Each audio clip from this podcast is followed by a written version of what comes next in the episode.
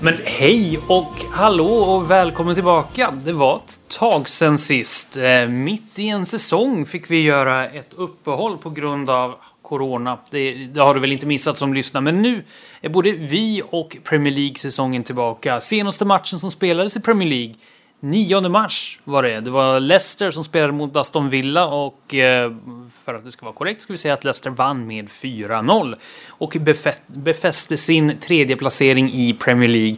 Liverpool då? De spelade den 7 mars mot eh, Bournemouth. 2-1 blev det då och även Liverpool befäste ju sin serieledning. Eh, 82 poäng har Liverpool nu efter 29 omgångar. Det känns ganska konstigt eh, att pr börja prata fotboll så här i mitten av juni, men det ska vi göra. Och till mig som vanligt här i Total Liverpools podd har jag då Thomas Nygren. Hej och välkommen! Tack, tack! Och även Per Kvist är med. Hej och välkommen Per! Tack så mycket! Hur känns det nu tycker ni att eh, starta igång starta igång säsongen så här. Mitten av juni håller på till slutet av juli och spela av säsongen. Hur känns det? Ja, det känns ju eh, ganska konstigt får man väl ändå säga. För det, först och främst känns det nog en evighet sedan vi spelade mot Bournemouth. Jag menar, jag minns väldigt lite av den matchen förutom att jag var sjukt nervös inför den. Um, och sen så så bara tog det stopp. Jag menar, jag skulle ha varit i Liverpool för ett par veckor sedan och varit med på paraden och firat. Men det blev det ingenting av. Sådär, utan nu sitter man här och inväntar någon, någon slags sån här konstig säsongsavslutning. Kanske känns det bättre när matcherna väl börjar och man kommer in i det igen och sådär, men det har ju känts väldigt eh, avlägset på något sätt att det skulle spelas fotboll igen med tanke på vad som har hänt runt om i världen och och med tanke på att det här har varit så stort med coronan, men, alltså människor har ju dött i massor, så det känns så futtigt att gå runt och vara sur över att Liverpool inte får fira en ligatitel. Eller att Liverpool inte får vinna på ett sätt som man förtjänade vinna och sådär, men eh, det är klart att det har varit eh, frustrerande att se liksom, den bästa säsongen som ett Premier League-lag kanske någonsin har gjort. Och så med nio matcher kvar så kommer det någonting som inte fanns på kartan. Nej, det, var, det, det var surt att det bröts, men det känns ändå bra att vi får avsluta den här säsongen med att spela om det och inte bara räkna ut någon snittpoäng och fira titeln därigenom. Per, hur eh, känner du då nu när eh, säsongen ska starta upp igen efter ja, två, tre månaders uppehåll? Jo, men det känns ju faktiskt skitkul att se komma igång igen för man älskar ju att se fotboll och främst Liverpool. Så man har ju längtat efter det här under en längre period och jag känner väl att det har varit flera faser emotionellt liksom de senaste månaderna. Den första reaktionen är ju i alla fall från min del, det måste jag vara helt ärlig med att säga, att jag tänkte väl oj vad överdrivet att man ställer in allt. Varför kan de inte spela inför tomma läktare? Varför måste vi ta uppehåll och omkullkasta hela fotbollskalendern? Men sen är det ju klart att i fas två så förstår man ju att det är ju mycket större än fotbollen och man läser in sig på vad allt det här innebär med Corona både i England, Sverige, runt om i världen. Och det finns ju förstås hur mycket material som helst att ta del av så då förstår man ju att det är helt rimligt att man har gjort på det här sättet. Och det verkar ju också helt rimligt att man ska komma tillbaka nu och det känns ju skönt att säga. Det känns ju inte som att man behöver ursäkta sig på något sätt att fotbollen kommer tillbaka. För England är ju heller inte den först, det första landet som startar upp sin liga igen. Så det, äh, det känns bara kul nu när det kommer igång. Ja, jag tänkte, det var ju faktiskt första gången på ganska länge nu som man verkligen fruktade att vi inte skulle få någon titel. Så på något sätt så känns det ändå som en, som en eh, chans att få visa att vi ska ha den här titeln. För det var ju ett tag prat om att man bara skulle ja, men vi, vi stänger ner, vi skiter i det, vi utser ingen vinnare, ingen åker ur, ingen går upp. Och där kändes det ett tag som att fan, vi får inte den här titeln. Så man har bara... Sista månaderna innan coronan så gick man ju mest bara och väntade på att säsongen skulle ta slut så man fick fira. Och så plötsligt så höll vi på att förlora titeln på någonting annat än fotbollsmässiga skäl. Så det känns ju skönt ändå att vi i slutändan eh, förhoppningsvis kommer att vinna Premier League. Och eh, om vi då kikar igenom, det är tre månader som har gått sedan sist. Eh, världen har varit på paus kan man säga. Det känns helt osannolikt att, att det är eh, mitten av juni nu. Vad hände? Men vad, vad har hänt egentligen med Liverpool sedan dess som ska göra en, en snabb återkoppling? Har någonting hänt? Per? Ja, det som man kan säga är ju både för Liverpool och andra klubbar att det har ju varit ett enormt inkomstbortfall. Man har ju tappat enorma intäkter under de här månaderna och kommer ju fortsätta tappa fortsatta intäkter. Så att det är ju främst det som har hänt och eh, saker som får konsekvenser, liksom, konsekvenser av det. Sen är det ju klart att spelkontraktstekniska saker har ju också hänt eller håller på att hända. Spelarkontrakt går ju i regel ut eh, sista juni eftersom säsongen brukar ju ha, ha tagit slut då. Och Liverpool har ju också ett antal kontrakt som går ut då. Man har ju Klein, Lalana. Och det verkar faktiskt som att man inte kommer förlänga Klein så han kommer inte vara med när när eh, Liverpool tar ligatiteln. Ehm, och det är ju, eller ja, kanske innan då, men väldigt osannolikt. Så att det är ju lite trist för honom. Men däremot så kommer Lallana och Lonergan att vara med säsongen ut. Det har man sett till att fixa. Så det är ju några saker som har hänt väldigt konkret. Och sen har vi ju förstås hela den här Timo Werner-historien som är av naturliga skäl väldigt omskriven Ska vi snacka lite mer om den kanske? Ja, men det kan vi ta. Vad, vad, vad är det egentligen som har hänt där? Var inte Timo Werner mer eller mindre klar? Jag menar, Timo Werner skickade ut kärleksmeddelanden till Liverpool och, och Klopp eh, gjorde likadant till Timo Werner. Och, jag menar, det var väl, allting var väl klart utan namnunderskriften. Vad hände Per? Ja, det finns ju tre olika versioner av det där. Och den första versionen kan vi ju ta lite snabbt framförs endast av Chelsea-fans det är att Liverpool och Chelsea båda gick all in på honom. Och att han valde Chelsea efter samtal med Lampard och Cech som åkte till Tyskland innan coronakrisen. Den andra versionen är ju att Liverpool inte hade råd med honom nu helt enkelt och informerade honom om det och att det inte skulle ha varit några hard feelings mellan Klopp och Timo Werner. Att han också ska ha haft förståelse för att inkomstbortfallet som covid-19 har inneburit gör att Liverpool inte kan lägga stora pengar på honom.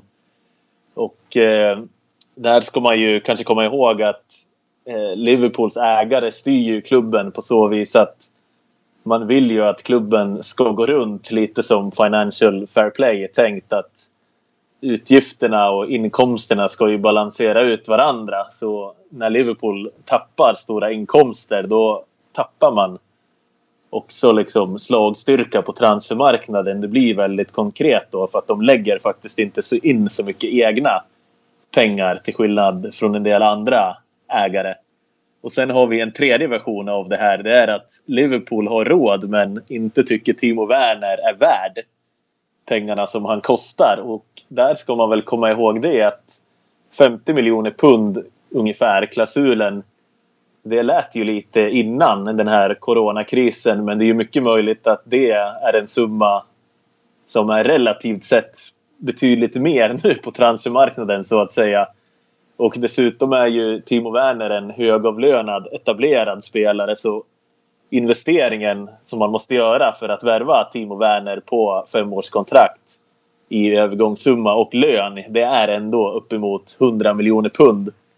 Och sen kan man ju också ta, ha i åtanke där med eh, hur intresserade Liverpool skulle vara av Werner.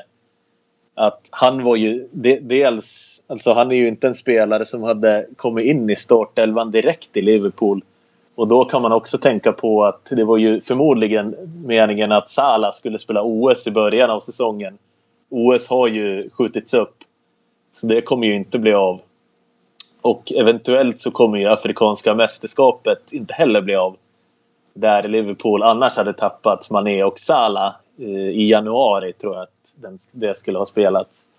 Så att om det också ställs in så har ju faktiskt Liverpools behov av Timo Werner också minskat. Och jag lutar väl åt att det är någon slags kombination av att man inte har råd och att man inte tycker att han är värd pengarna nu efter covid-19. För att marknaden har ju förändrats i grunden och det betyder ju som sagt att 50 miljoner, 100 miljoner är relativt sett mer pengar nu än vad det var för 3-4 månader sedan. 50, men inte har råd låter hyfsat osannolikt. Vi pratar ändå om en klubb som har gått till Champions League-final två år på rad. Eh, och eh, vunnit en gång. Eh, tvåa i Premier League, genererar lite pengar. Varit hyfsat sparsamma ändå när det gäller transfer för man har sålt för dyra pengar. Och, och eh, nya sponsorsavtal och så. Alltså, det låter helt osannolikt. Alltså visst, på ett sätt låter det osannolikt. Men sen kan man ju, del, man kan ju dels tänka på att det kan ju finnas andra spelare som man vill värva. Även om man har de här 50 miljoner punderna så kan det ju finnas andra positioner eller andra spelare som man också gärna vill ha så att säga. Så att det blir ju någon slags prioriteringsfråga i sådana fall också. Men sen så ska vi väl heller inte komma ihåg att Eh, det är ju en del kontrakt som man jobbar på att förlänga. Vi har ju Wijnaldum går ju ut 2021, Mané 2023, van Dijk 2023, Alisson Becker 2024 och det är ju kontrakt som kommer att bli väldigt feta kontrakt när man förlänger dem. Det kommer ju bli hög sign-on och det kommer ju bli rejäla löneförhöjningar. Så jag tror man är lite skraja över den utgiften också. Och sen är det ju som Klopp säger att om man håller på att prata om spelare att sänka sina löner nu så kanske det sänder ut fel signaler att värva någon spelare dyrt. Men visst, lite konstigt är det ju att att det verkligen skulle vara så att Liverpool är helt panka. För det tror inte jag heller riktigt. Ja, men eh, det, det känns lite grann som att eh, fotbollens ekonomiska framtid är ju lika osäker som det är för länders ekonomiska framtid. Så jag tycker att det är bra att Liverpool är eh, försiktiga i det här. För klart, såklart hade jag också gärna sett Timo Werner i Liverpools trupp. Men precis som Pelle är inne på, till att börja med så är han ju inte en startspelare. Han är inte bättre än någon av de tre som spelar i Liverpool. Och eh, säg att vi nästa säsong inte skulle ha något Champions League. Det kanske inte ens blir någon eh, FA-cup eller ligacup för att det är svårt att få ihop. Det kan, då blir det helt plötsligt mycket färre matcher. Kanske inte behöver lika många spelare. Främst så kanske vi inte har råd att ha en spelare för en halv miljard med en gigantisk lön som bara sitter på bänken. Vi har ju, vi har ju Origi. vi har ju Harvey Elliot, vi har Curtis Jones, vi har många som många yngre också som är på väg upp. Så det är många parametrar man måste ta in när man gör en sån här värvning. Det enda jag kan känna är att eh, det är många av våra spelare som är i den åldern nu att de pikar. Så vi måste ju också vara beredd på att eh, slussa ut spelare i tid så att det inte blir så att vi står här med ett lag med väldigt hög snittålder snart utan att ha börjat fylla på underifrån med kvalitetsspelare för det är ju många som närmar sig 30 inom de kommande åren. Ja, alltså vi har ju en del spelare som är duktiga som kommer underifrån. Men frågan är ju till exempel om Jones kan ersätta Lalana, om Elliot kan ersätta Shakiri, om Brewster och Williams, hur mycket de kan spela. Men jag tror ju att man kommer att göra några rockader i sommar. Jag tror, tror kanske inte att man kommer värva de här äh, jätte, jättedyra spelarna. Man kommer, jag tror inte att man kommer ta in liksom Jadon Sancho eller Kai Havertz eller någon av de unga spelarna. Men det skulle inte förvåna mig om man fiskar upp lite andra spelare runt om i Europa. Vi har ju till exempel den här Rashika i Werder Bremen som har gjort en jättebra säsong. Skulle kunna spela över hela anfallslinjen. Ironiskt nog ryktas han ersätta Werner i Leipzig. Han har ju en klausul på 18 miljoner euro om de skulle åka ur Bundesliga och det verkar ju väldigt troligt. Jag tror att någon sån spelare eller om vi kollar i Salzburg igen. De har ju alltid bra, massa bra spelare känns det som. De har ju även nu flera väldigt intressanta spelare. Jag tror det är mer i sådana spelare som man kommer att ta in. För det är ju som Thomas säger att åldersstrukturen är ju inte riktigt perfekt i Liverpool. Och då skulle jag ändå vilja lägga till det att man har ju haft, eller man har ju skickligt manövrerat med kontrakten de senaste åren. Klein och Lalanas kontrakt går ju ut nu och det känns ju väldigt naturligt och rimligt att de inte stannar i klubben. Att det blir någon slags naturlig utslussning där. På samma sätt som det var när Sturridge och Moreno lämnade för ett år sedan. Och jag tror ju att man kommer att försöka sälja en del spelare i sommar men där finns ju även en problematik om priserna går ner rent generellt så kanske det är bättre att vänta ett år till med att sälja. Eller så är det inte det. För även om man får mindre av försäljningar så kan man återinvestera de pengarna i spelare som också har gått ner i priser och så vidare. Så det blir ju ett väldigt trixande på transfermarknaden. För det är ju ändå så att vi har ju sådana som Karius, Shakiri, Grujic, Avoniji som man skulle kunna sälja. Vi har ju Dejan Lovren som sitter med ett år kvar på kontraktet och inte verkar bli kvar. Han var ju på glid redan ifrån, i fjol. Origi är ju också en spelare som de här insatta Liverpool-journalisterna tror skulle kunna säljas i sommar. Så det finns ju absolut ett spelutrymme där om man tänker försäljningar. Och det är ju många som tror, eh, Damien Comolli är en av dem som har varit och snurrat i medierna med teorin att det kommer bli betydligt fler bytesaffärer i sommar. Och det låter ju ganska intressant också måste jag säga. För vi, i alla fall nu när vi har de här eh, spelarna som Shakiri, Wilson och Grujic och så vidare som absolut skulle kunna vara intressanta för klubbar som har spelare som skulle kunna vara intressanta för oss så att säga. Bytesaffärer alltså. Vi kommer faktiskt komma tillbaka till just bytesaffärer senare i programmet faktiskt. En annan osäkerhetsfaktor när det gäller sånt här, att man avbryter mitt under säsongen. Eh, världen går i ide, vilket har eh, skett så här under vårkanten, är ju också att spelarna har ju fått avbryta säsongen och nu så har det blivit en form av väldigt kort säsong. Eh, eller en kort försäsong när man startar upp så här tre månader senare. Och vad har det för Eh, ja, vad, har det för, vad får det för konsekvenser för spelarna? Vi ska prata mer om det här nu, just med spelare, fysik, vad får det för konsekvenser att, eh, att eh, stanna upp en säsong så här med Magnus Hellman Driesen. Fystränare, bland annat tränat eh, Elfsborg. Hej och eh, välkommen Magnus! Tack så jättemycket, superkul att jag fick komma. Ja. Hur står det till? Ja, men det är jättebra. Eh, jag befinner mig i Halmstad och lapar lite sol och, och sand och eh, havsvatten. Eh, så att eh, det går ingen nöd på mig alls. Inte för mycket sand bara. Eh, det är inte bra för matsmältningen här. Eh, nej, nej, men det vet du bättre än mig, eh, som ändå sysslar med fysik, kost och sådana saker.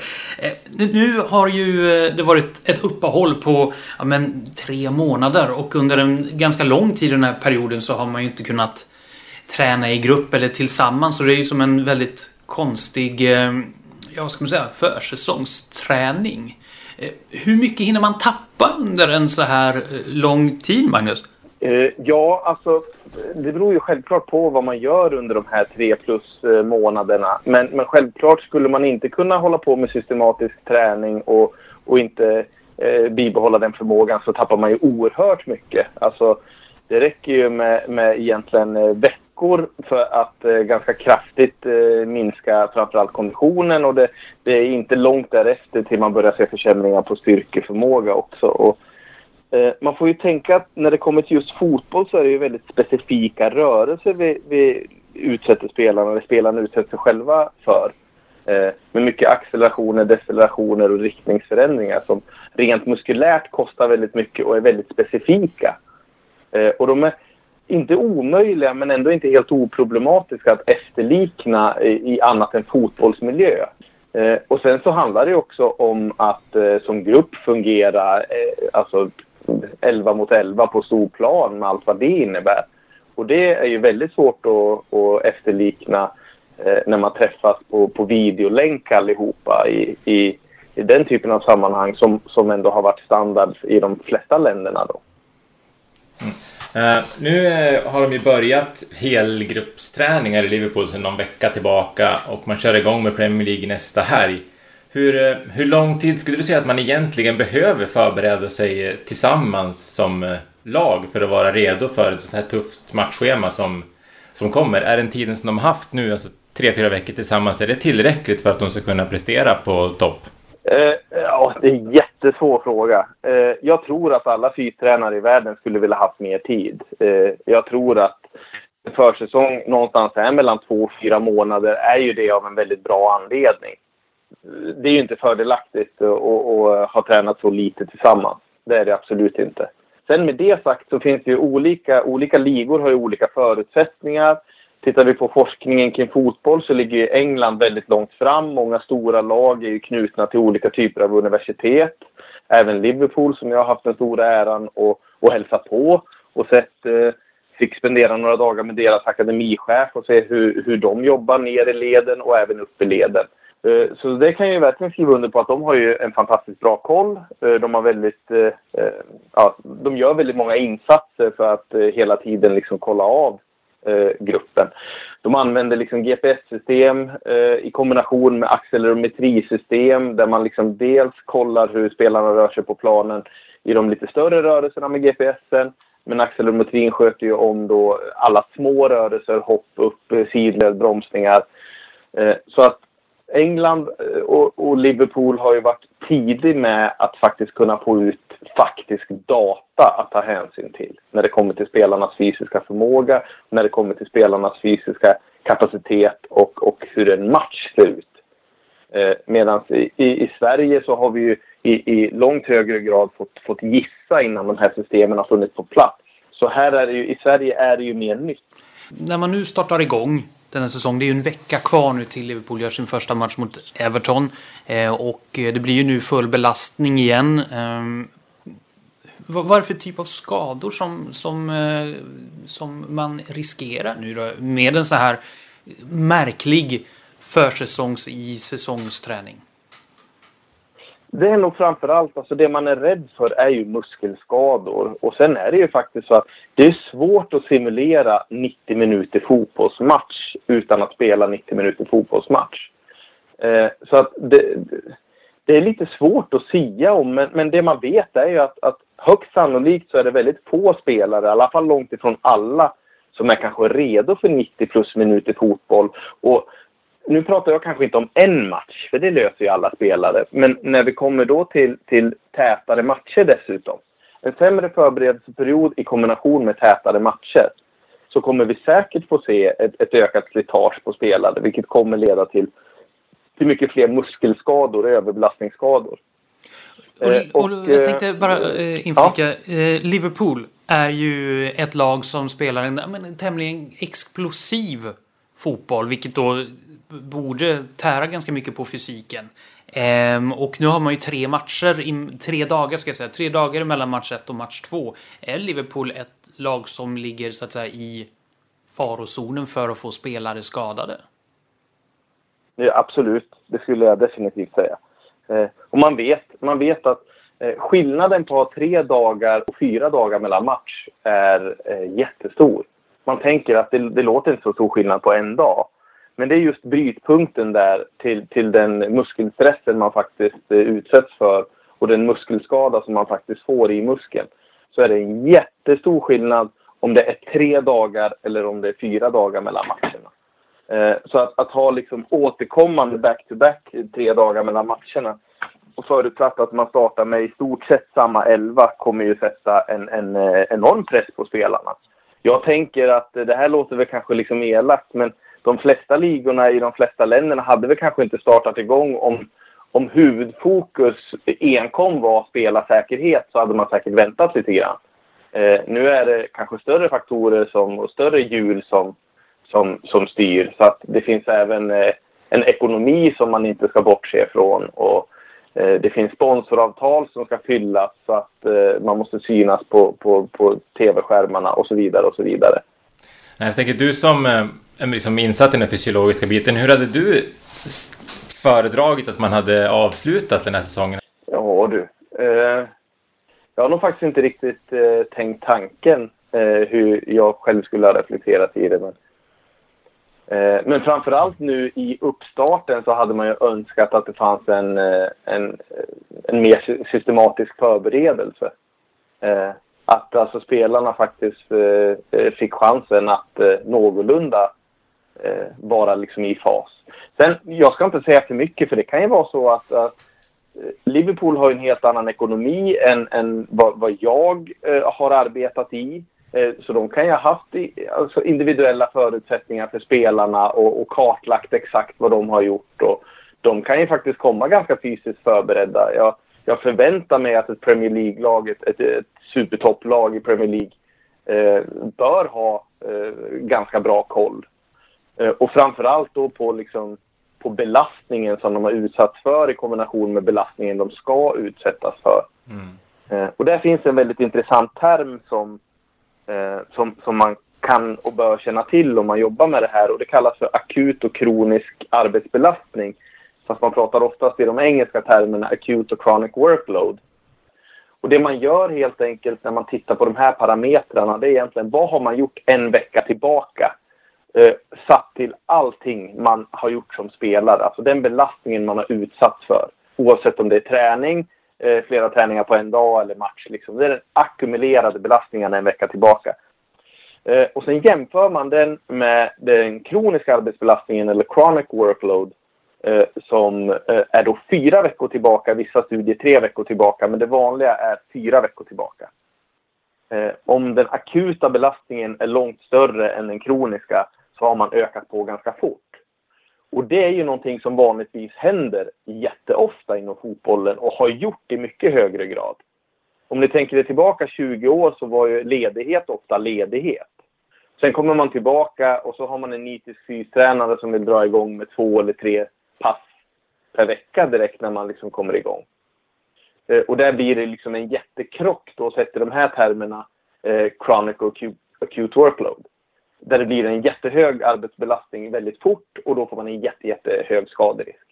Om man däremot då eh, håller den, den akuta eller acute, chronic work, eh, acute workload snäppet högre än den kroniska hela tiden så bygger man ju successivt upp. Alltså det blir en progression i den fysiologiska belastningen, den fysiska belastningen. Eh, och då kan man liksom långsamt trappa upp och sen så kan man ligga på en väldigt hög belastning.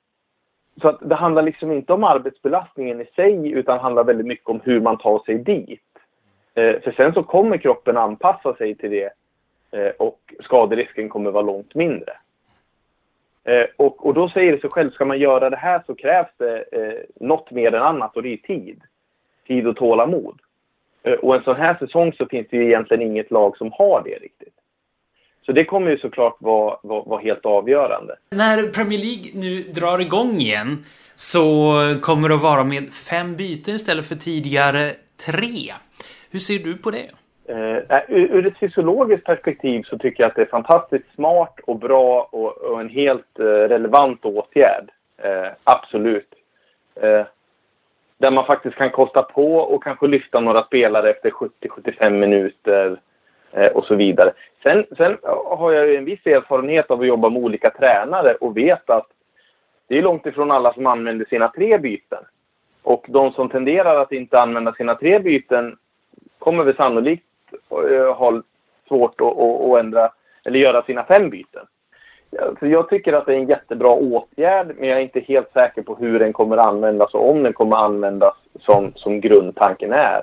Ett, eh, ett lag som, som har ett bra flyt kommer nog sannolikt i 70-50 minuten eh, inte vilja kasta in tre nya spelare eh, för att det ur ett rent fysiologiskt perspektiv hade varit det rätta att göra.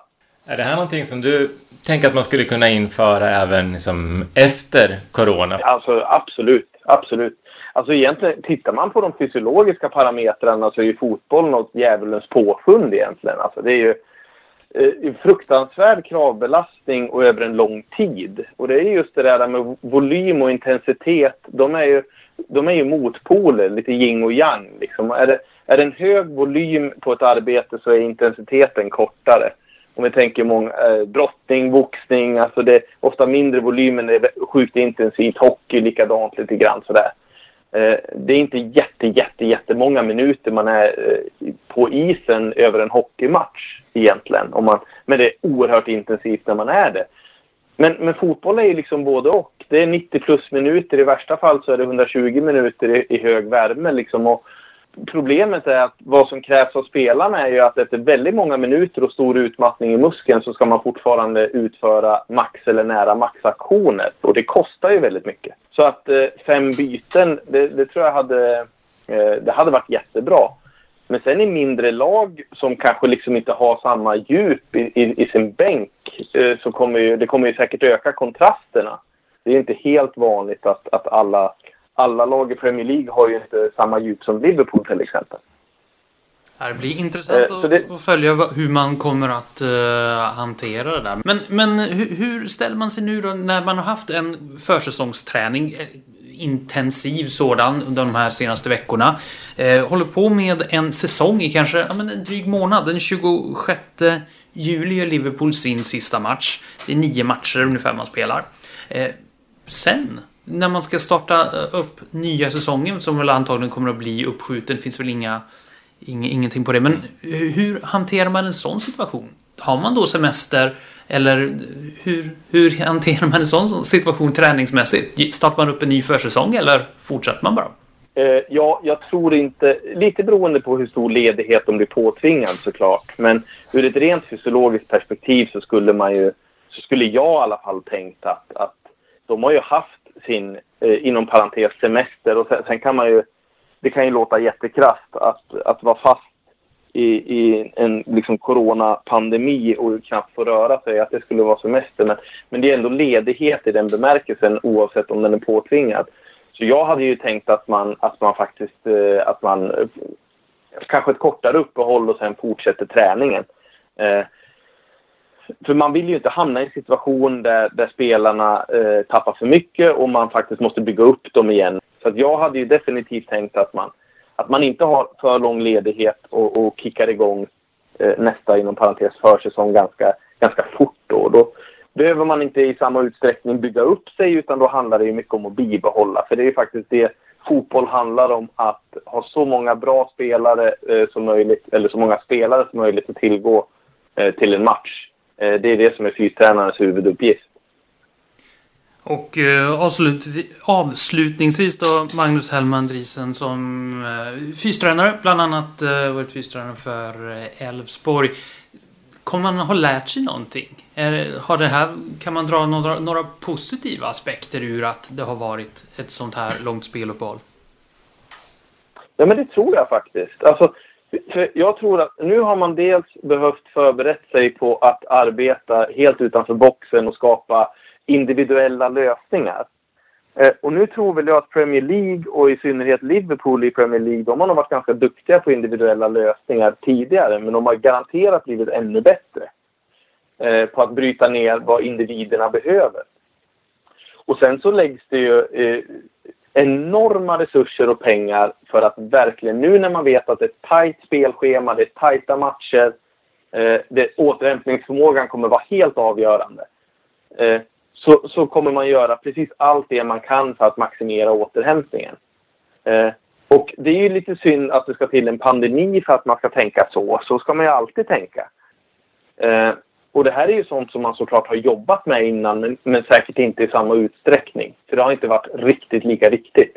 Nu är det helt avgörande. Eh, och där tror jag ju att det kommer, ta, det, det kommer ju ge något positivt. För det är ju, det är ju saker som, som är jättepositiva att jobba med oavsett. Eh, och där tror jag man, man, eh, man kan få, få med sig mycket. Det låter i alla fall som eh, skönt att man kan ta några positiva saker ur en ganska eländig situation annars. Tack så mycket Magnus Hellman, Drisenfys tränare och eh, ovisshet och eh, osäkerhet hur framtiden kommer se ut. Vilka förändringar som eh, Premier League, fotbollen och världen kommer drabbas av efter eh, när de här initiala delarna av pandemin har lagt sig. Det är det som är lite på allas läppar. Vi pratade tidigare i programmet om att byteshandel kanske är framtiden eh, när man gör spelaraffärer. Lite som i ishockeyn, framförallt NHL har ju haft väldigt mycket med byteshandel att göra. Det kanske kommer till fotbollen, vem vet? Liverpool har faktiskt provat det här med byteshandel tidigare och eh, det var med eh, försvarsspelare och eh, en av de som var involverade i den här försvarsspelaren är faktiskt profilen i Var är han nu, Thomas? Ja, idag ska vi titta lite grann på en högerback som florerade i Liverpool under en ganska kort period. Eh, som kom in i en sån här beryktad bytesaffär och den spelare som vi bytte bort då var Josemi. Han hamnade i Villarreal istället för Jan Kromkamp. Som vi kommer att titta lite närmare på idag. Han eh, är idag 39 år. Det är ganska länge sedan han slutade spela fotboll. Innan han spelade i Liverpool så hade han en ganska lång sejour i eh, Go Ahead Eagles. Ett sånt där lag som jag alltid älskade att se på Championship Manager en gång i tiden. Fantastiskt klubbnamn. Hade jag förberett mig ordentligt hade jag kollat upp varför de heter så, men vi kan ju bara nöja oss med att säga att det är ett väldigt bra namn. Eh, sen spelade han i AZ, 133 matcher. Innan han gick inför säsongen 2005-2006 så gick han till Villarreal i Spanien. Men eh, det funkade inte riktigt för honom i Villarreal. Han hade ju Pellegrini där som eh, tränare och de kom väl inte riktigt helt överens. Så eh, i eh, januari där 2006 så byttes Jan Kromkamp mot Josemi. Och helt plötsligt så befann han sig i eh, Liverpool. Som högerback konkurrerandes med väldigt fina Steve Finnan. Och eh, var, han hade en tuff period i Liverpool ska sägas. Han gjorde sin debut i 5-3-vinsten mot eh, Luton där i tredje rundan 2006. Jag vill minnas att det var den matchen som Xabi Alonso gjorde mål från halva plan. Jag har för mig att det var också några kontroversiella domslut i den där matchen som vi till slut vann.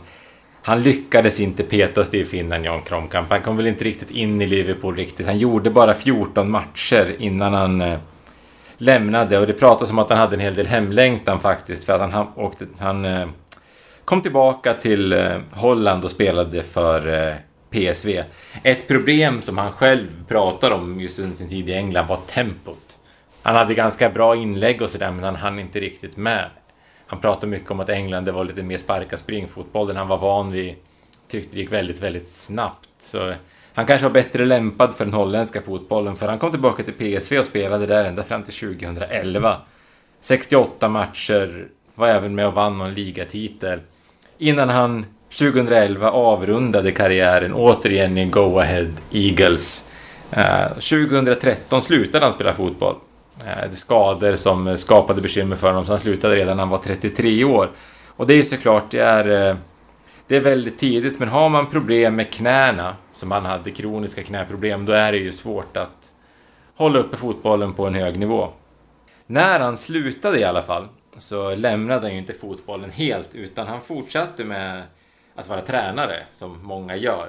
Han eh, började träna ungdomslag i Go Ahead Eagles, började U15, gick vidare till U17. Eh, innan han 2019 blev eh, ungdomstränare i SV Twello, ett lag i de lägre divisionerna i Holland. Och nu ryktas det om att han den 1 juli kommer att presenteras som ny huvudtränare i CSV Appeldorn. Och eh, tittade man upp CSV Appeldorn så hittade man i stort sett ingenting förutom att de spelade i de lägre divisionerna i Holland. Men han har alltså påbörjat en, eh, en tränarkarriär, precis som så många andra före detta spelare har gjort det. Han gått genom ungdomsleden i Go Ahead Eagles via SV Tvello upp till CSV Appeldorn. Och eh, det här känns ju spontant som någonting som man får försöka undersöka mer, för det är spännande att se de här gamla Liverpool-spelarna som letar sig upp i, i tränarroller i de mindre klubbarna. Och även eh, de kroatiska U21-landslagen. Precis, man kan ju nå hur långt som helst egentligen. Vi ska säga också att de kroatiska U21-landslaget har inte heller spelat någonting under coronatid, så vi har ju inte så mycket att säga om eh, Igor Biskans eh, tid i karantän. Men som sagt, Jan Kromkamp, han hade ju en en fin karriär får man väl ändå säga, även om tiden i Liverpool inte blev speciellt lyckad, även om knäproblem skapade bekymmer för honom. En eh, intressant parentes, han gjorde 11 landskamper och gjorde faktiskt sin landslagsdebut mot Sverige 2004. Så där har vi lite Sverige-koppling till eh, Jan Kromkamp också. Och det var väl en sån där spelare som jag... Jag hade vissa förväntningar ändå när han kom, för eh, jag gillade ju Steve Finnan, men han var ju inte speciellt spektakulär. Så få en holländsk högerback, man har lite krav på holländska fotbollsspelare, tänker man att nu kommer en sån här riktigt total fotbollsspelare. Men eh, det enda jag minns av honom idag är egentligen att jag tyckte att han, hade väldigt, att han var väldigt stelbent när han sprang. Men det är alltid en egenskap som något. Och eh, det var väl då en, en klassisk chansning som inte gick hem. Man skeppade iväg en spelare som inte funkar och fick en, ja, på vinst och förlust helt enkelt. Ja. Eh, vad, vad minns du av eh, Jan Kromkamp? Ja, det som jag minns, som eh, precis som med väldigt många andra spelare, är att jag hade läst en hel del om honom innan jag såg honom spela faktiskt. Han spelade ju där i AZ och fick sin landslagsdebut och då var han ganska omskriven som en av de mest intressanta ytterbackarna i Holland och jag tyckte han såg helt okej okay ut de fåtal gångerna jag såg honom spela. Jag har för mig att det var på den tiden då Pierre van Hooijdonk gjorde massa mål i holländska ligan. Men eh, ja, det gick ju inte så bra i Villarreal och inte så bra i Liverpool. Och när man såg honom närmare i Liverpool är det ju som Thomas säger att det var en mittback med bra inlägg som rent allmänt tekniskt så var han ju helt okej. Okay, liksom, duktig med bollen och så. Men han hade ju inte fysiken eller snabbheten eller tempot för att kunna åstadkomma någonting i England. Men absolut ändå en duktig fotbollsspelare måste jag säga. Visar väl då på vikten det det att hamna i rätt lag, rätt liga. Italien kanske hade fungerat bättre. Om, som inte är riktigt lika tempostarkt. Det får vi aldrig veta. Dåliga knän satte, eh, satte eh, stopp för Jan Kromkamps karriär.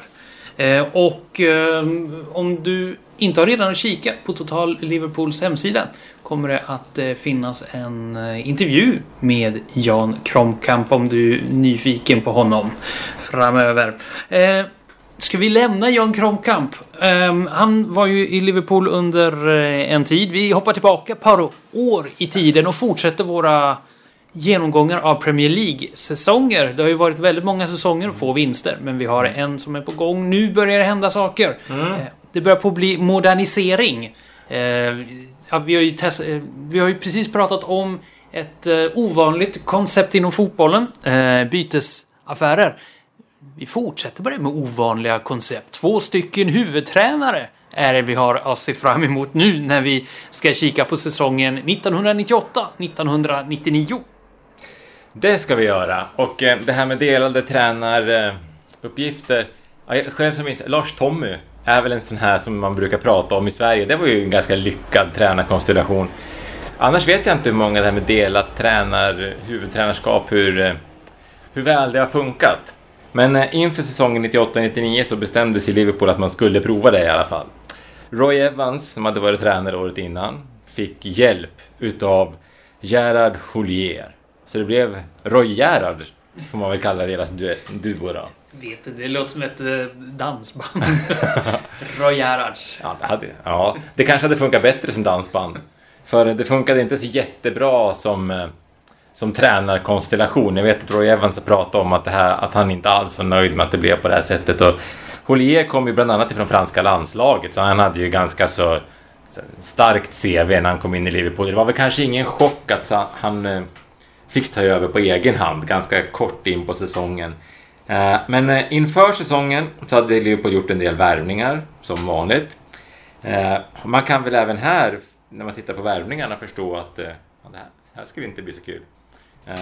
Inför säsongen så hade man gjort... Första värvningen gjorde man en free transfer från Aston Villa. Det var Steve Staunton som kom tillbaka. Det var inte så många år sedan han hade lämnat Liverpool.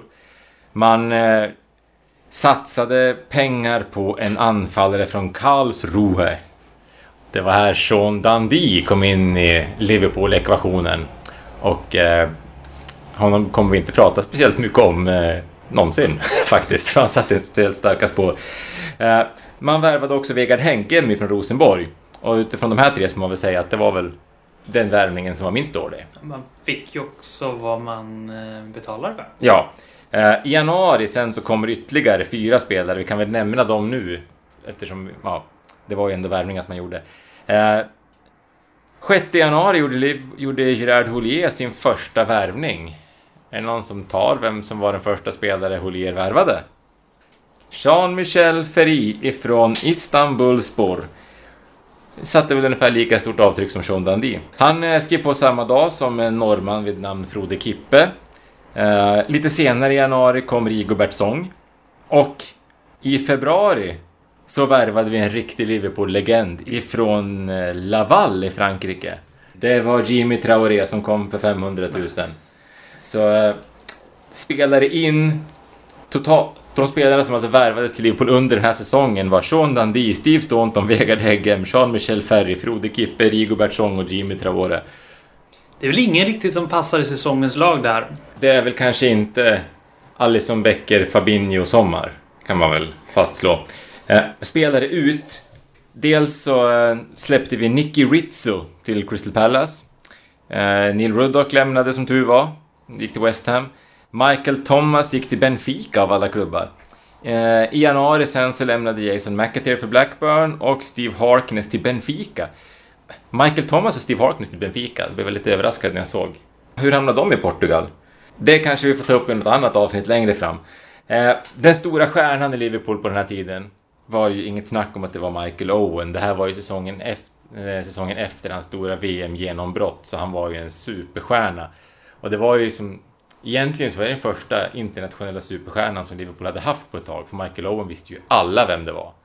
Eh, han gjorde en bra säsong. Han eh, blev ju delad skytteligavinnare i Premier League det här året med 18 mål. Eh, men eh, det var ingen bra säsong. Vi eh, inledde ganska bra. Men eh, ja, vi vann mot Southampton, spelade 0-0 mot Arsenal, vann mot Newcastle, vann mot Coventry. Men sen så började det gå ut för och eh, fortsatte att gå ut för. Och det var väl kanske där först då som gjorde att Roy Evans avgick i november. Houllier tog över på egen hand. Men när säsongen skulle summeras så hade Liverpool hamnat på sjunde plats. Eh, på 54 poäng. Vi hade 15 vinster på hela säsongen. Det hade vi ju på 16 matcher den här säsongen. Eh, vi var långt, långt ifrån Manchester United som vann ligan på 79 poäng. 79 poäng, det är inte så mycket att skryta med Nej. så här i modern fotboll. Men eh, på den tiden kanske Manchester United tyckte att det var bra. Det var tillräckligt för att vinna ligan i alla fall. Eh, vi hade lag som eh, Aston Villa, West Ham och Leeds före oss. Vi var två poäng före Derby County. Tre poäng före Middlesbrough, så det var ju... Nej, det var ingen bra säsong. Eh, Michael Owen var ju stora stjärnan, som sagt, vann skytteligan tillsammans med Jimmy Floyd Hasselbank och Dwight York. Ett mål bättre än Nicolas Anelka och Andy Cole. Robbie Fowler gjorde även 14 mål. Men den här säsongen var ett stort misslyckande. Rakt igenom en sjunde plats. Vi hade in, tredje rundan i Uefa-cupen, fjärde rundan i Uefa-cupen, fjärde rundan i ligacupen. Inte mycket att hurra för. Finns det någon ljusning överhuvudtaget? På den här tiden kändes det faktiskt avlägset. Eh, men jag tänkte vi kan väl bara, för ska titta på startelvan som Liverpool ställde upp med i premiären, så vi får ett hum om vilka som spelade mycket den här säsongen. Vi hade ju Brad Friedel som målvakt som tillsammans med David James delade på sysslan. Det skulle bli David James som tog över. Vi hade en backlinje med Steve Staunton, Phil Babb, Vegard Heggem och en väldigt ung Jamie Carragher. Vi hade Jason McAteer, Steve McManaman, Patrick Berger och Paul Ince på mittfältet. Michael Owen, Karl-Heinz Riedel på topp. Ja, det, det blandas ju högt och lågt. Mm. Och tittar vi på bänken hade vi förutom David James då Björn Tore Kvarme, Steve Harkness, Irvin Leonardsen och David Thompson.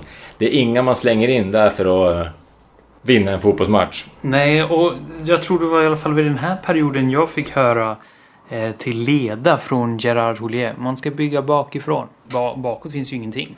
Eh, samtidigt ska man komma ihåg, det här är 98-99. Vi är inte långt ifrån en säsong som gav ganska så stora framgångar för Liverpool. Så det ska bli intressant att eh, se vad nästa säsong har i sig. För någonting måste ju Holier göra som kan vända ett lag som inte lyckas med egentligen någonting till ett lag som faktiskt tar mängder av titlar. Han måste bygga bakifrån, säger jag. Och vad säger... Och kommer han att göra det, tror du?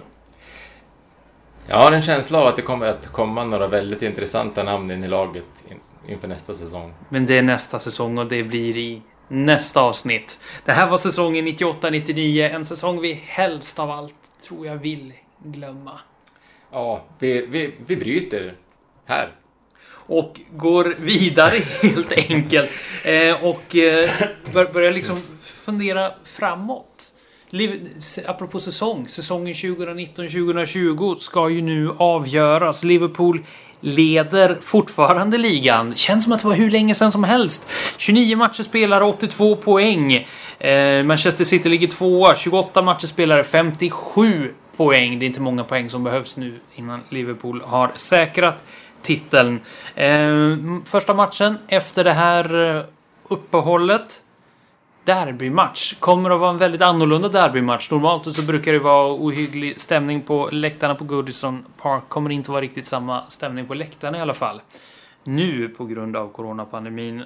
Sen kommer man spela mot uh, Crystal Palace bara tre dagar senare. Sen är säsongen igång på riktigt. Hur känner ni så här när vi gör nu en säsongsupptakt? Vad, vad, vad förväntar ni er att få se? Jag förväntar mig väl egentligen att få se ungefär det man tror. Om man kollar på Bundesliga så är det fortfarande samma spelare som brukar göra mål som fortfarande är mål. Samma lag som brukar vinna som vinner. Så jag tror ju fortfarande att Liverpool kommer att vara ett vinnande lag. Och om jag ska säga något annat eh, så tänker jag väl också att vi kommer säkert få se lite av de här unga talangerna som vi också hoppas på inför nästa säsong. Jag tänker på Curtis Jones, Harvey Elliott främst, Nico Williams. Jag tror och hoppas att de kommer att få spel till nu i slutet av säsongen med tanke på hur många matcher det är och med tanke på att ja, det här inkomstbortfallet har gjort att de säkert kommer att få ännu större roller nästa säsong. Och det skulle ju vara minst sagt önskvärt att i alla fall någon av de här spelarna kom in och verkligen presterade. Så det hoppas jag verkligen få se. Ja, nej men det, det är svårt att veta lite grann hur fotbollen eh, kommer att se ut. Precis som eh, Magnus var inne på tidigare så kanske vi inte kommer se så stor skillnad i de första matcherna, men däremot kanske när vi är fyra, fem matcher in och ser liksom hur spelarna påverkas av det här tuffa schemat efter det här speciella uppehållet som det ändå har varit. Um, men främst så känns det ju bra att få, att få se Liverpool igen. Det har ju, vissa dagar kunde man ju bli lycklig bara av att se att de ringde upp varandra och hade yoga tillsammans. Man saknar liksom... Man saknar ju att se Liverpool. Så är det ju. Sen så får man väl se om spelarna hinner gå till frisören innan, för det var många som var lite svårare att känna igen nu. Så man undrar ju också hur mycket hur ofta de går dit annars, när det blir sån här enorm skillnad i deras utseende på att de ja, sitter hemma ett tag. Men det, ja, det är ju ett litet problem. Om man ska se det som ett problem. Uh, nej, men det ska bli, det ska bli jäkligt kul att, uh, att det drar igång igen. Derby utan publik blir ju såklart speciellt, men någonting säger mig att man kanske kommer känna lite konstigt första halvtimmen och sen så är man inne i det. Det är ju skillnad för de som, de som är vana att se matcherna på plats. Vi är ju ändå vana att se matcherna på TV, så om man lägger på en liten annan ljudbild och främst filmar på planen så kanske man... Så kanske man, hur hemskt det än låter, vänjer sig vid att det inte är någon publik. Och eh, det är ju som sagt var inte så många matcher kvar. Eh, hur lång tid tror ni det tar innan Liverpool säkrar eh, ligatiteln? Jag tror att vi kommer säkra den här titeln ganska tidigt. Det som är kvar av säsongen betyder ju väldigt mycket för oss och vi kommer möta klubbar som säkert bara hade velat att säsongen tog slut. Så jag tror att vår motivation kommer vara högre än till exempel Evertons i derbyt och kanske en Crystal Palace som är i matchen efter. Så jag tror att vi kommer säkra den ganska tidigt. Uh, och sen så både tror och hoppas jag att Klopp låter uh, många spelare vila med jämna mellanrum, för då är ju någonstans när titeln väl är säkrad så måste ju fokus ligga på nästa säsong, som den här säsongen avslutas. Uh, så förhoppningsvis så kommer vi få se många spelare spela mycket. Och eh, det tycker jag i sådana fall är helt rätt. Ja, det beror ju rent krasst också lite på hur Manchester City levererar. Och jag tänker ju att de har ju ett ganska stort störningsmoment med allt det här kring Financial Fair Play och att de eventuellt, eller att de som det är nu, inte får vara med i Champions League nästa säsong.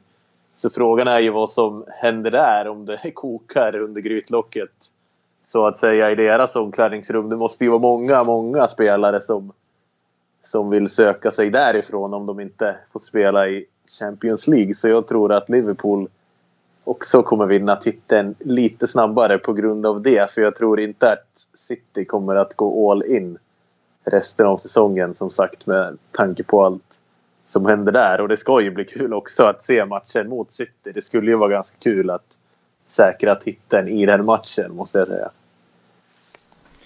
Ja, vi får se hur det blir med titel. Vi, det verkar som att alla är eh, ganska överens om att en titel kommer det bli. Frågan är bara när.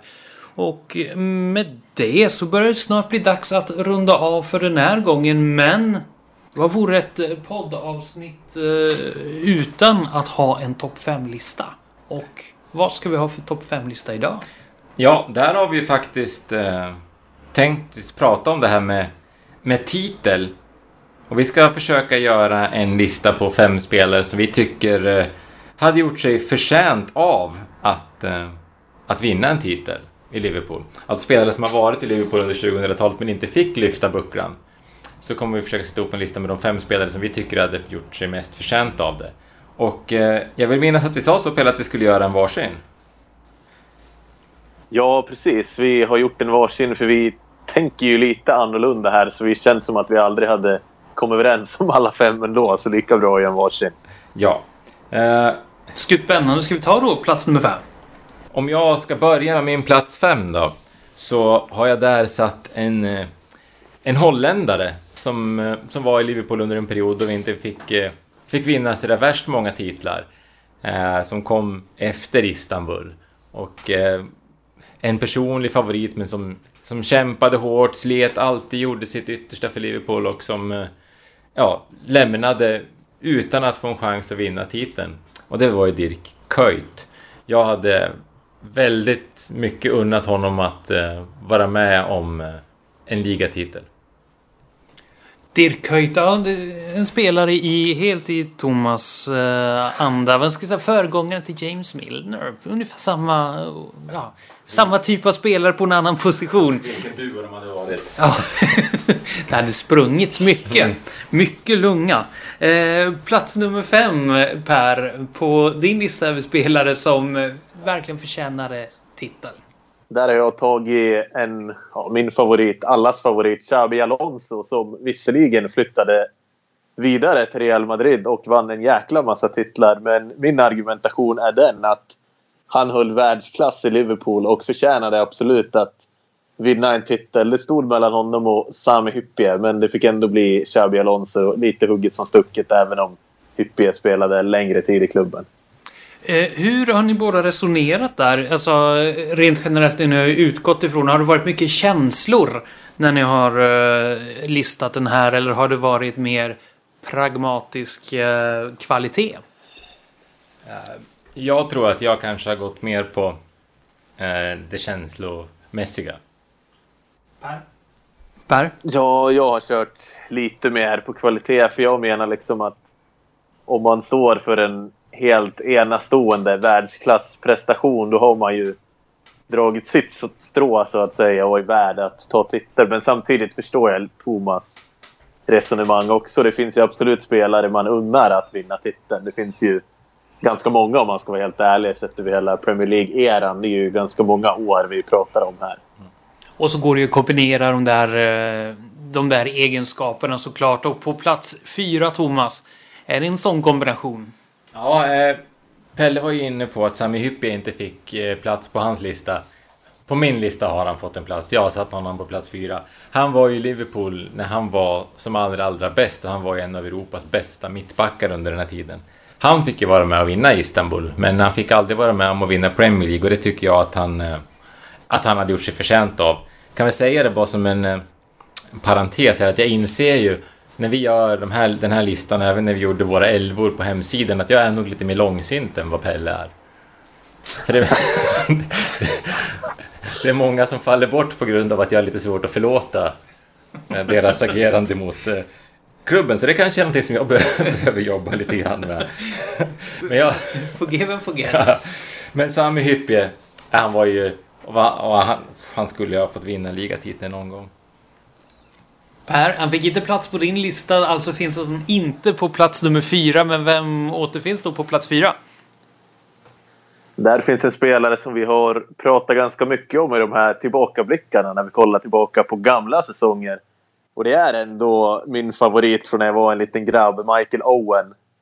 Michael Owen var ju en otroligt målfarlig spelare och han sprutade ju in mål under ett antal säsonger. Sen kan jag hålla med om att han lämnade lite ja, inte på ett helt idealiskt sätt för Liverpools del när han hamnade i Real Madrid. Och jag kan tänka mig att Thomas är långsur fortfarande. Men jag, jag vill ändå ha med honom på min lista. För det är ju inget snack om att på det individuella planet så förtjänade ju Michael Owen absolut att vinna en ligatitel när han var som bäst i Liverpool. Har du förlåtit Michael Owen, Thomas? Jag kan gå in på min plats tre. då, då gör vi det. Är det Michael Owen? Nej, min plats tre har jag en spelare som gav Liverpool tio år. Som eh, hade både uppgång, nedgång, men som aldrig klagade. Han eh, kunde spela... Han kom ju till klubben som sagt box-to-box-spelare, men avslutade nästan som, eh, ja, med matcher som mittback. Och det är ju såklart Lukas Leiva, som jag pratar om. Han, eh, han var ju ingen världsspelare under sin tid i Liverpool, men eh, han eh, gav alltid sitt yttersta för klubben, en eh, stor personlig favorit och just den här förmågan att eh, vända motgång till eh, framgång var ju någonting som man kunde se genom hans karriär många gånger. Det var synd att inte han fick eh, någon riktigt, riktigt stor titel under sina år här, samtidigt som eh, det är klart, han var inte en lika bra fotbollsspelare som den spelare som han ersatte i Xabi Alonso. Och eh, han verkar ju få någon form av eh, upprättelse. Han har varit med på fler listor tror jag. Spelare som har fått väldigt mycket kritik. Genom åren så har han ju varit på en sån lista. Men han verkar få någon upprättelse nu hos eh, Liverpool-fans. Förmodligen för att det går väldigt bra för honom i Italien bland annat. Per, din plats nummer tre. Hur ser den ut?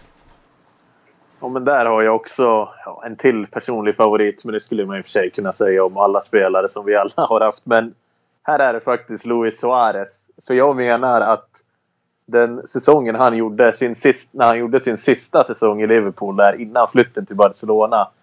Det måste ju ha varit en av de absolut bästa säsongerna individuellt sett som någon någonsin har gjort i Premier League. Jag vet inte vad som kan mätas upp med det för han vann ju skytteligan, han vann assistligan och han tog ändå inte straffar. Det är väl något där Thierry Henry när han var som bäst i Arsenal som har kommer upp i samma nivå rent individuellt en Premier League-säsong. Och jag menar ju att när man är så förjävligt bra som han var då så förtjänar man ju verkligen att vinna en titel. Det var ju, det var ju faktiskt så att om Liverpool hade haft ett okej okay försvarsspel den säsongen så hade Suarez vunnit ligan till Liverpool i princip. Ska du säga så han spelar väl inte de fem första matcherna heller den säsongen. Det var någon, någonting med någon bit, bitande. Tror jag det var i någon VM eller någonting. Så ja. Eh, imponerande säsong det där. Finns han på din plats två då, Thomas? Nej. Eh, det, det gör han inte. Uh, vi har ju, utan att uh, säga för mycket skulle jag gissa att jag och Pelle har samma två personer kvar. För det är ju ofrånkomligt att det är två personer som spelat i Liverpool under 2000-talet som mer än någonting annat hade förtjänat att få höja Premier League-bucklan. Den som jag har på andra plats är ju min personliga favorit genom alla år, Jamie Carragher. Han eh, gav ju allt för Liverpool. Han eh, hade ju säkerligen gjort allt för att vinna Premier League. Han eh, fick vara med om några stora titlar, han var ju med, också med i Istanbul, men det här att få höja Premier League-bucklan fick han aldrig vara med om och det... Det är ju såklart en, måste ju vara en sorg för honom när han ser, eh, när han av, avslutar sin karriär och sen ser vilket lag som han har byggt när han har slutat. Per? Mm. Hur, hur ja, jag trodde form? nästan att du skulle ha Igor Byskan på andra platsen. Ja, jag har plats ett kvar. Jag har också Carragher, så att där tänker vi likadant. Och jag tänker liksom att han gjorde ju så många bra säsonger och han var ju också väldigt bra det man inte ser genom TV. Han var ju väldigt bra ledaregenskaper och starkt inflytande på träningsplanen på ett bra sätt och så vidare. Så han var ju också förtjänt att få vinna ligan någon av alla de där bra säsongerna. Och då är det bara en spelare kvar och jag tror att, uh, det inte kommer någon, att det inte kommer vara någon större överraskning. Vad jag däremot är väldigt nyfiken på är hur ni eh, gjorde... Uh, hur ni kom fram till att ettan skulle vara etta och tvåan skulle vara tvåa. Men innan, innan svaret på den frågan kommer så naturligtvis. Plats nummer ett är vem då? Ja, det är ju Steven Gerrard. Och eh, där tänkte jag främst att han var ju Han var ju egentligen för bra för att spela i Liverpool. Men på något sätt så var det, viktig, så var ju, det viktigaste för honom var ju att vinna ligan med Liverpool. Inte att vinna ligan. Han var ju på väg att lämna någon gång när han kom i konflikt med Benitez där efter Istanbul, men eh, han gav ju Liverpool sina, i stort sett hela sin karriär, trots att han hade kunnat spela till vilket lag som helst i hela världen. Han hade ju kunnat, av, han hade ju kunnat haft en karriär med tio ligatitlar, om det hade varit det viktiga. Men det viktiga för honom var att vinna en ligatitel med Liverpool och det var ju... Det var ju så nära så att det nästan gör ont att tänka på. Jag eh, såg den här dokumentärfilmen som man gjorde om Gerard för inte så länge sedan. Jag kunde inte, jag kunde inte titta färdigt när man kom till Chelsea-matchen för då visste man vad som var kvar. Det som... Nej, det, det var tungt. Han hade ju verkligen förtjänat att få vinna Premier League. Han hade också förtjänat att få avsluta sin karriär med kanske Jürgen Klopp som tränare. Per, eh, jag antar att det inte skiljer sig så mycket från eh, Thomas när det gäller ettan, eller? Nej, inga överraskningar här tyvärr. Det hade ju varit roligt att ha någon helt otippad Traoré eller någon. Men eh, nej, det är också Steven Gerrard här. Och jag tänker om man tänker på honom mot Carragher så tänker jag liksom att eh, i de lagen som båda spelade i så var ju Gerard ändå den tycker jag som tillförde mer. Och som tillförde liksom en slags spets som hade varit betydligt svårare att ersätta. Så jag kände väl ändå att om man skulle rangordna spelarna där i de lagen, vem som var mest att vinna och mest förtjänt att vinna ligan år för år så hade ju Gerard toppat i stort sett varje säsong och Carragher hade ju visserligen varit bland de högsta i laget men han var ju aldrig vår absolut bästa spelare någon säsong tycker jag i alla fall. Även om han höll en väldigt hög nivå. Ja, och då slutade både ett och två så att det är ju inte så att ingen av dem skulle vara oförtjänt eh, att eh, vinna någon Premier League-titel. Eh, och det här är ju en fråga som har legat ute på sociala medier också. Ja, jag, jag skickade ut den här frågan när vi bestämde ämne och jag har fått in en hel del svar. Det är Andreas Olsson som eh, också är inne på Gerard, Carragher, Hyppie, Kuyt. Så eh, ser jag ju på det på ganska samma sätt som, som jag. Emil Klar, Gerard, Carragher, är han inne på såklart givna. Suarez vill man ha med eftersom han var så överlägsen. Sen så älskar han också en hårt jobbande spelare som Lukas och så kastar han in eh, Daniel Agger som femte namn. Och det var ju en bra shout till Agger som också hade som man också hade kunnat tänkt sig se lyfta Premier League-bucklan. Eh, Matte Unbearable, Gerard Carragher, Pepe Reina, Lukas, Sami Hyppie. Vi har eh, Christer Nilsson som säger Gerard Carragher, Suarez, Lukas, Hyppie.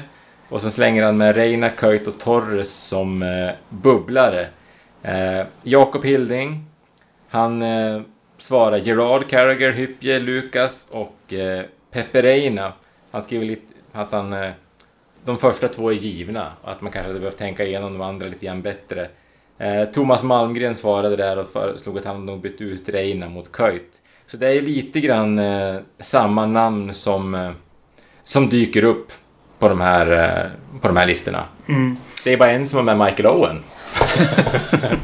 ja, jag tänker att Daniel Sturridge namn lyser ju med sin frånvaro också. Han är ju ändå en spelare som gjorde några väldigt bra säsonger i Liverpool. Men han över, blev ju överskuggad liksom och Suarez också kan man säga. Ja.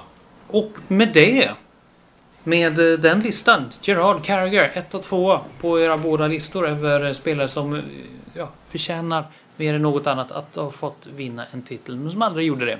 Det börjar på att bli dags att runda av det här konstiga, lite ringrostiga avsnittet av Total Liverpools podd och jag vet inte riktigt när vi kommer tillbaka igen, om någon månad eller så, eller i anslutning till någon ligavinst. Ja, vi får helt enkelt göra som precis övriga världen att vi får ta det som det kommer, på uppstuds helt enkelt. Eh, vad har ni för några planer framöver? Eh, kan börja med dig Per. Ja, ikväll ska jag faktiskt göra hemmagjorda hamburgare så det ser jag mest fram emot nu. Jag har lite svårt att tänka vad som händer efter det. För det kommer ju garanterat bli matkoma och sådär. Så att det är mest det som jag tänker på just nu. och eh, du Thomas, det, det, gäller att inte ha för lång framförhållning. Eh, gäller det för dig också Thomas? Ja, jag gick ju på semester i fredags och eh, efter min semester ska jag vara föräldraledig. Så jag ser fram emot att inte... Ja, jag ska inte jobba förrän i eh, januari. Så Inga planer vare sig hos Thomas eller Per. Det, det låter somrigt och så. Men en sak som är säker. Om eh, en vecka, ganska precis från eh, det vi spelar in det här avsnittet, så kommer Premier League återupptas igen. Då blir det derbymatch mot, mot eh, det andra Liverpool-laget, nämligen Everton. Om det blir vinst eller inte, om det blir ett steg närmare den efterlängtade ligatiteln, det står i stjärnorna. Vi kommer att höras igen. Jag, Andreas Järpe, tackar för mig. Tack så mycket Thomas Nygren och Per Kvist för att ni var med. Tack, tack. Och, tack, tack. Och så hörs vi igen, hoppas jag, när det nu blir. Fram tills vi hörs igen. Ha det så bra. Hej då. Liverpool.